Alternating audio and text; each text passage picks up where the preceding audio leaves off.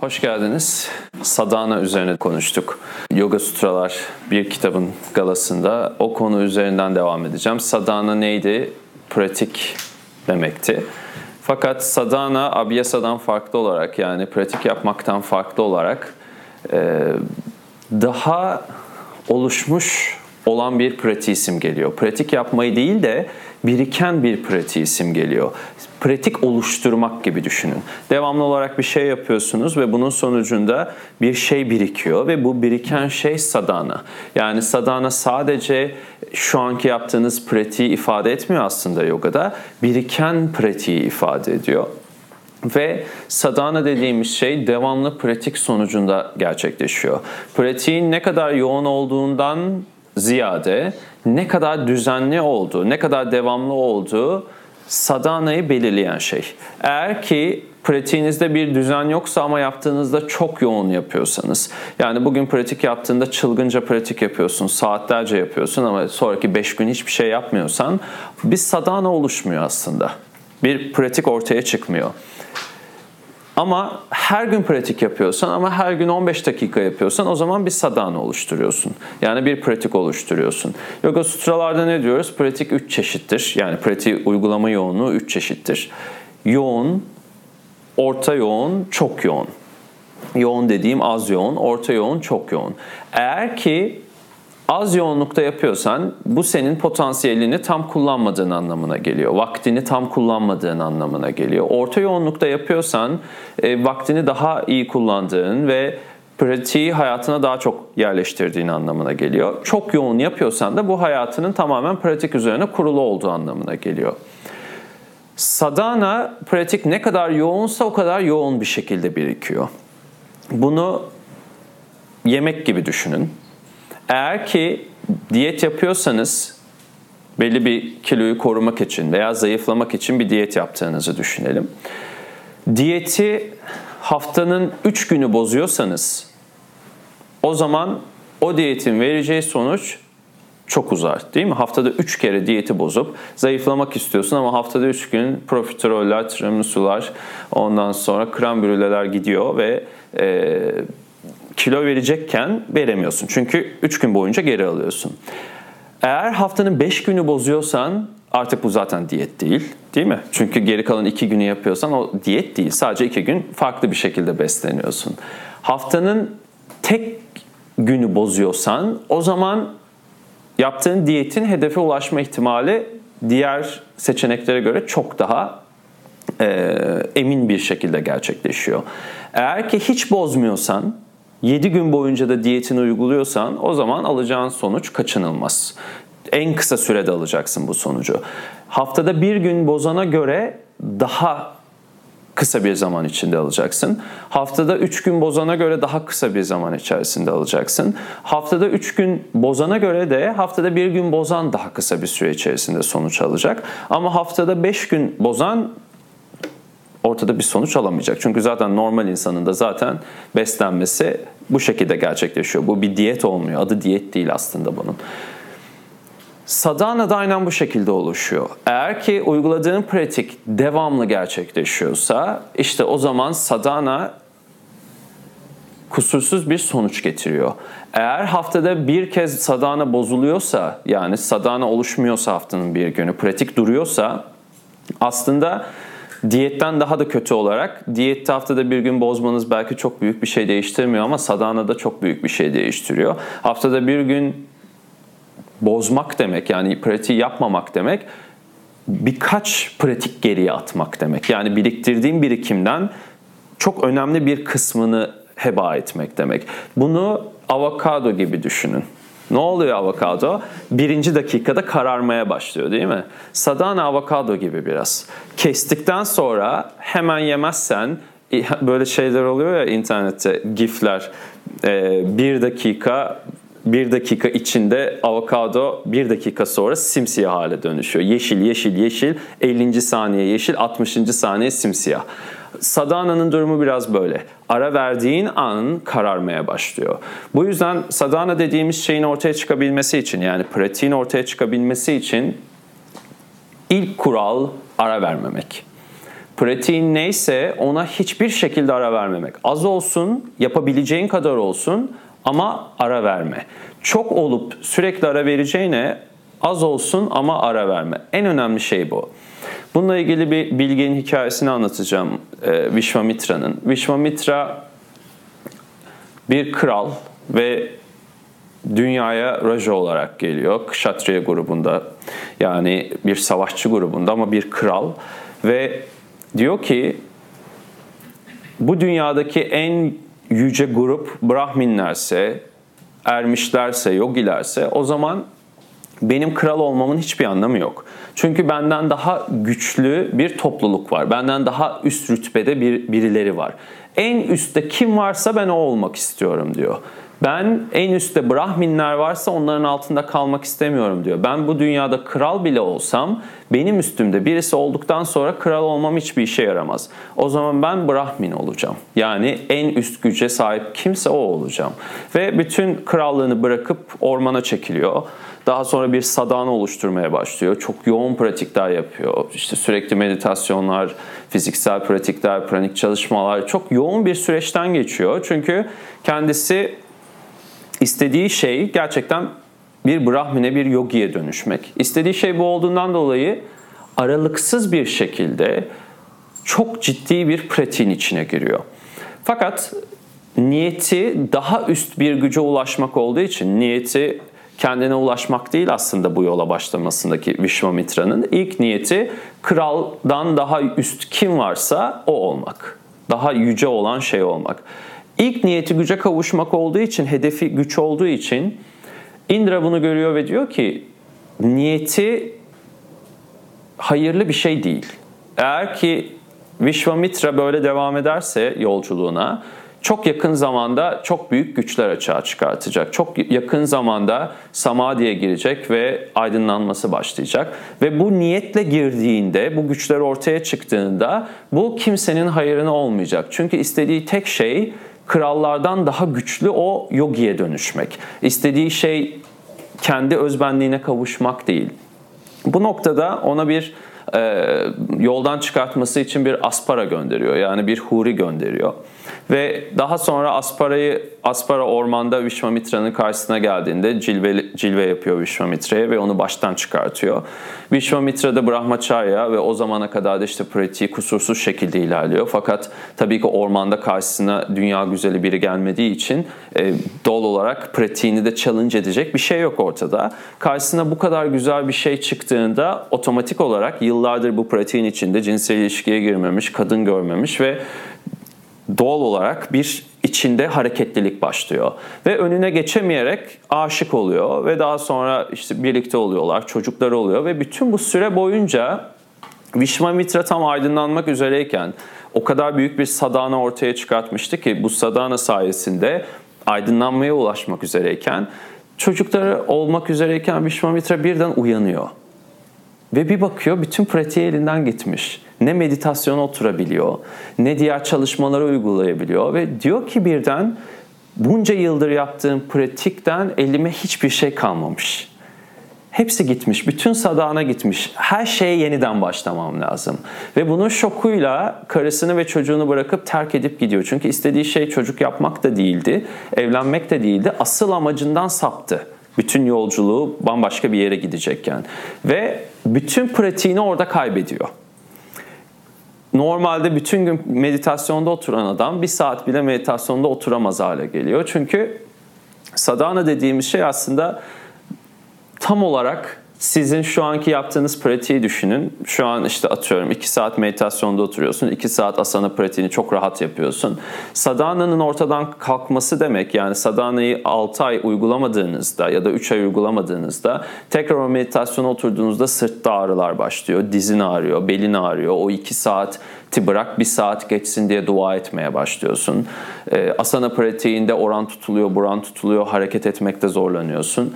Yani aslında pratik ilk baştaki zorluğuna geri dönmeye başlıyor. İlk baştaki haline geri dönmeye başlıyor. Ve bunun üzerine Vishwamitra pratiğine sıfırdan yeniden başlıyor. Yani o sadanayı yeniden oluşturmaya başlıyor. Dedik ya sadana biriken bir şey ve sen o biriktiğinde aslında aşamayı geçiyorsun. Pratiğinin ne kadar iyi olduğunu belirleyen şey senin ne kadar sadana oluşturduğun. Ve bu sefer Vishwamitra tekrar bu yola baş koyduğunda aslında niyeti de değişmiş oluyor. Çünkü bütün ilk baştaki amaç güce ulaşmakken Vishwamitra bu ilişkiden sonra kendinden ne kadar uzaklaştığını görüyor ve sonra şunu fark ediyor. Ben kendime yabancılaştım bu sadana ortadan kalktığında. O zaman önce bir kendime yaklaşmam lazım yeniden. Yeniden merkeze dönmem lazım. Ben dediğim şeyleri yeniden bir gözden geçirip o merkezi yeniden bulmam lazım. Ve bu noktada tekrar sadanayı kurmaya başladığında artık niyeti de değişmiş olduğundan Vishwamitra bunun üzerine aydınlanmaya ulaşabiliyor. Çünkü bu sefer artık önünü kesecek bir şey de kalmıyor. Çünkü niyeti bu sefer merkezdeki şeyi bulmak, ben dediği alanı bulmak, kim olduğunu, o özü bulmak. İkinci kez bu pratiği oluşturmaya başladığında doğru niyetle pratiğe giriyor ve bu da onun aydınlanmaya ulaşmasını sağlıyor. İlk Indra'nın onu durdurması aslında karmanın onu durdurması. Çünkü niyet bozuk. Niyet bozuk olduğu için, istediği şeyde sorun olduğu için karma onu durduruyor. Diyor ki senin yarattığın şey, daha bak oluşmamış bir karmadan bahsediyoruz burada. Senin yarattığın bu niyet bu karmayı ortaya çıkaracak. Henüz oluşmamış olan bu acının ortadan kalkmasının tek bir yolu var. Şu anda bunun çözülmesi. Aslında Vishwamitra'nın pratiğinin çok net gidiyor olmasından dolayı ortaya çıkacak olan durum daha ortaya çıkmadan basitçe çözülüyor. Yani onun bedelini, niyetin ortaya çıkaracağı bedeli ödüyor. Zihindeki eylemin karmasını ödüyor. Diyoruz ya önce karma zihinde başlıyor. Bir şey düşünüyorsun. Olmasını istediğin an zaten o karma ortaya çıktı. Yaptığında ikinci bir karma ortaya çıkıyor. Yapmazsan sadece birinci karmayı çözüyorsun.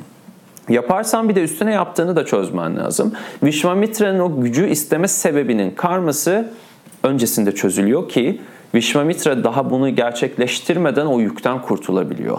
Ve bunun üzerine de yolculuğu bambaşka bir pencerede ilerliyor. Sadana'yı oluştururken pratiğinizin içinde ne varsa, örneğin pranayama çalışması yapıyorsunuz, asana çalışması yapıyorsunuz ve işte konsantrasyon çalışıyorsunuz diye düşünelim. Bunların miktarı neyse bunların minimum miktarının altına düşmemeniz sizin gün geçtikçe bu sadanayı ortaya çıkartmanızı ve kullanılabilir hale getirmenizi sağlayan şey. Kullanılabilir hale getirmek ne demek? Pratik birikmeye başladıkça asana pratiğinizde görüyorsunuz. En basiti fiziksel alanda görmek zaten. Sürekli olarak asana pratiği yaptığınızda fiziksel olarak çok inanılmaz bir kondisyonda oluyorsunuz. Beden o kadar e, dayanıklı, o kadar e, kuvvetli, o kadar esnek bir hale geliyor ki hayatınızın içinde de matın üzerinde de bedenin getirdiği bütün o avantajlar görünür hale geliyor. Ara verdiğiniz zamansa zorlanmalar ortaya çıkıyor tekrar dönüşlerde vesaire. Bunu kullanmak demek sadanayı aslında devamlı olarak bu pratiği uyguladığında artık hayatın içine o nitelikler yerleşmeye başlıyor. Yani o kuvvet gitmek sizin hayatın içine yerleşiyor. İnip kalkmaksızın, o esneklik inip kalkmaksızın hayatın içine yerleşiyor. Sadana oluşmadığında ise yani devamlılık olmadığında ise o zaman bir asana pratiğin iyi geçiyor, diğer asana pratiğinde vücudunu hareket ettiremiyorsun. Birinde çok iyi hareket ediyorsun, öbüründe hiç hareket edemiyorsun. Sürekli düşüş kalkış başlıyor ve bunu hayatın içinde de aynı şekilde yaşıyorsun. Bazı günler vücudun çok iyi hissediyor, bazı günler çok yorgun hissediyor. Sadhana fiziksel alanda kararlılığı getirebilmesi için yani o stabiliteyi ve netliği getirebilmesi için matın üzerindeki kısmın devamlılığının olması lazım. Aksi takdirde hayatınızın içinde kalıcı bir nitelik olarak yaşamıyorsunuz. Arada pozitif etkilerini görüyorsunuz. Arada o pozitif etkiler kaybolup gidiyor. Aynı kısım meditasyon için de geçerli. Meditasyonda fizikseldeki kadar kolay göremiyorsunuz gelişmeyi. Her oturduğunda zihin mutlaka karşına bir şey çıkartıyor ve sanki meditasyon e, fiziksel alandaki çalışmalar kadar kolay ilerlemiyormuş gibi oluyor. Ama bir sadana oturduğunda yani devamlı olarak hep aynı gün, aynı saat, aynı aralık meditasyon yapmaya devam ettiğinde er ya da geç o oluşan sadana sen hiç konsantre olamıyormuşsun gibi gelse, gelse bile çabalıyorsan eğer bahsettiğim şey oturup uyumak değil bu bir saat yeter ki geçsin deyip oturup uyumaktan bahsetmiyorum. Oturup uyumayı şöyle düşünün meditasyonda. E, asana dersine girdiniz. Herkes hareketleri yaparken sen şavasana yapıyorsun. Uyumayı böyle düşünün. Meditasyonda konsantre olamamayı da şöyle düşünün. Çabalıyorsun ama olamıyorsun. Asana dersine girdin. Başkası handstand'e sıçrarken sen küçük küçük olduğun yerde sıçramaya çalışıyorsun. Başkası tripoda kalkarken sen aşağı bakan köpekte bekliyorsun ama yapabildiğini yapıyorsun demek. Eğer ki konsantrasyon sağlamaya çabalıyorsan işte orada sadana birikiyor. Ve er ya da geç o sadana hayatın içine dahil olmaya başlıyor. Artık o nitelik hayatın içinde de o konsantrasyon kabiliyeti yerleşmeye başlıyor. Ve sonra meditasyona oturduğunuzda pratik bir adım öteye gitmeye başlıyor. Ondan sonra o biriken sadana sayesinde sen bir sonraki aşamaya geçebiliyorsun. Yani aslında zannettiğiniz gibi e, meditasyonda veya asanada o ilerleme bir kırılmayla gerçekleşmiyor. Bir şey oluyor ve kırılmıyorsun. Tam tersi bir şey biriktiriyorsun ve o biriktirdiğin şey sayesinde, o emekle, o biriktirdiğin emek sayesinde bir sonraki aşamanın kapısı açılıyor. Sadhana bazen Svadhyaya ile yapıyoruz. Ne yapıyoruz? Aynı şeyi tekrar tekrar yazıyoruz veya tekrar tekrar okuyoruz. Ve bunu ne zamana kadar yapıyoruz aslında? Bazen bir metni tekrar tekrar yazıyoruz. Ne oluyor? En sonunda yazdığımız metin bize konuşmaya başladığında, bize anlatmaya başladığında sen yeterince orada sadana biriktirdiğinde, yeterince orada pratik oluştuğunda, yeterince orada emek olduğunda artık sen yazıyorsun, o anlatıyor. Ama bu zamana kadar, o ana kadar sen yazmaya devam ediyorsun. Ta ki yazdığın şey, o emeği görüp sana güven duyana kadar. Tıpkı ilişkideki gibi düşünün. Biriyle arkadaş olduğunda birbirinize güvendiğiniz noktada paylaşımınız artmaya başlıyor değil mi? İşte sadana dediğimiz şey bu. Pratik sana güvenmeye başladığı noktada, senin onu terk etmeyeceğini anladığı noktada, aranızdaki bağın gerçek olduğunu anladığı noktada, daha doğrusu senin bunu anladığın noktada artık paylaşmaya başlıyorsun. Pratik sana anlatmaya başlıyor, sen pratiği dinlemeye başlıyorsun. Ama bu bağ gerçek olana kadar bu başlamıyor. Tıpkı işte Svadhyaya'daki gibi. Sen yazıp yazıp yazıp yazıp bıkmadan üşenmeden, sebebini bilmeden sadece pratik etmek için çaba gösterip yazdıktan sonra yazı diyor ki evet bana çok çaba gösterdin, çok emek harcadın, üzerime çok enerji verdin. Şimdi sıra bende. Şimdi ben konuşacağım. Bu birisi dertliyken sizle konuşmak istemediğinde onu iyi hissettirmeye çalışmanız gibi, onu kendi alanında hissettirmeye çalışmanız gibi, onu ev ortamında hissettirmeye çalışmanız gibi. Aslında metine veya o öğretiye sen evinde olduğunu hatırlattığında, doğru yerde olduğunu hatırlattığında öğreti sana bütün kapılarını açıyor. Ama sen o öğretiye sürekli e, mesafeli yaklaştığında, sürekli gidip geldiğinde öğretiye, sürekli araya bir şeyler soktuğunda öğreti doğal olarak kendini bulamıyor orada. Güven bulamıyor, açılacak cesaret bulamıyor. Tıpkı Vishwamitra'nın pratiğindeki gibi. Çünkü senin niyetin belli değil. Senin o ilişkiye nasıl yaklaştığın belli değil. Senin o niyet, e, o ilişkide kim olmak istediğin belli değil. Doğal olarak pratik sana güvenip sana kalbini açamıyor, sana içini dökemiyor. Bu yüzden sadana dediğimiz şeyi oluştururken niyetinizin belli ve bu niyetinizi karşılayacak eylemlerinizin de net olması gerekli. Aksi takdirde sadana oluşturulmadığı sürece pratiğin hep bir yerinde kişi sıkışır. Ve bu sadana sürekli dağıtıldığı sürece de, sürekli bozulduğu sürece de yine kişi pratiğin içerisinde sıkışıp kalır. Çünkü o sadanayı her yıktığınızda pratiğe 5 gün ara verdin, 3 gün ara verdin, çöp. O sadana çöp. Neden çöp? Çünkü avokado artık siyah oldu. Siyah olduğu için ne oldu? Yiyemiyorsun. Çürüdü. Artık sen yiyemeyeceksin. Onu başka bir şey yiyecek. Ve pratiğe de yapılan şey bu. Pratik bir yere kadar taşınıyor ve durduğun an her şey başa dönüyor. Dört elementi düşünün. Aranızda bırakan dört elementi bırakıp da geri dönüp de aynı yerden başlayabileniniz var mı? Yok. Geri döndüğünde en acılı yerinden geri başlıyorsun. İlk başından. İlk başından geri başlıyorsun. Bundan bir yıl önce günde 6 saat meditasyona otur ve 3 ay ara ver. Şimdi gel otur bakalım 6 saat oturabilecek misin? Çünkü sen terk ettin. Terk ettiğin için geri döndüğünde sana çok şüpheli yaklaşıyor ilişki artık. Beni yine mi bırakacaksın? Yine mi bırakmak için bir aradayız? Beni yine mi kullanıyorsun? Ben eğlenilecek kişi miyim, evlenilecek kişi miyim diye pratik soruyor. Pratiğe eğlenilecek kişiymiş gibi davrandığın sürece o da seninle eğleniyor. Sen seninle dalga geçiyor pratikte sürekli. Sen ne verirsen onu alıyorsun. İşte etki tepki. Pratiğe ne verirsen karşılığında da onu alırsın.